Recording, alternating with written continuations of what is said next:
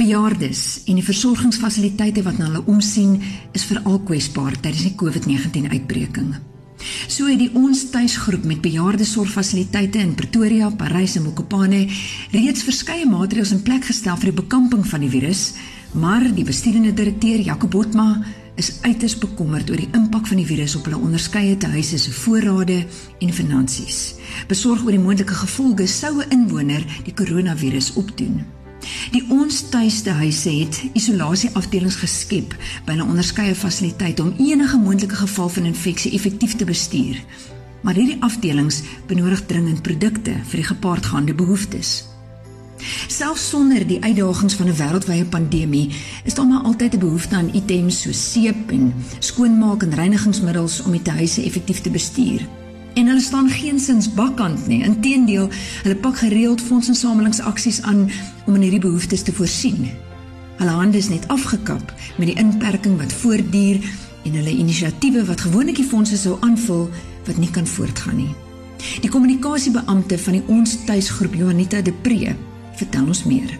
Uh die Ons Tuishuise, daar's een in Parys, een in Mokopane en dan so 'n paar in um Pretoria. Hy's fees om en by 1000 bejaardes wat daar bly.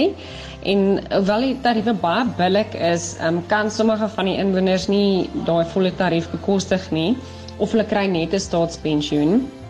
En sommige van die inwoners behoort nie aan 'n mediese fonds nie en bejaardes se mediese uitgawes is nogal hoog omdat hulle ehm um, hulle immuunstelsels is maar verswak en en hulle is maar ouer mense so ehm um, daar is maar onverwagte en verwagte mediese uitgawes wat hulle nie almal kan bykom nie.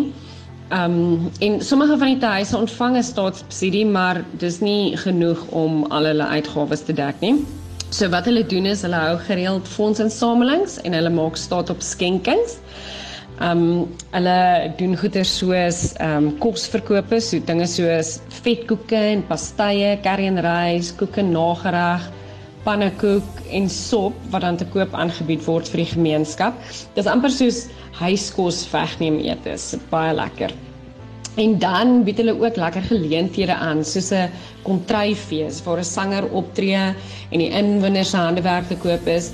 Um by die huise by almal van hulle is dit um iets wat hulle doen, hulle handvleit en naaldwerk en al sulke tipe goeders om die bejaardes ook um besig te hou, hulle hande besig te hou, maar ook om aktiewe veroudering um teen te werk sodat hy die brein ook lekker aan die gang. So daai tipe handewerk is dan ook by hierdie geleenthede te koop.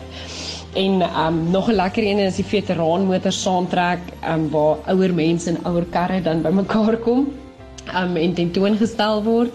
En um die Brill en Pille Bike Run en Color Run is ook 'n jaarlikse fondsinsamelingsaksie en geleentheid uh vir die gemeenskap en die bejaardes om mekaar te ondersteun en lekker saam te kuier.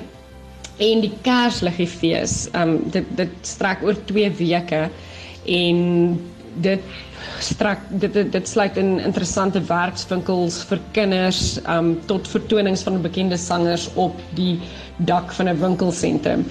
Um so dit is baie lekker geleenthede en hulle spring regtig uit om om self hulle fondse aan te vul. Maar in hierdie stadium met die inperking is dit nou nie vir hulle moontlik om enige van hierdie fondsinsamelingsaksies um aan te bied nie.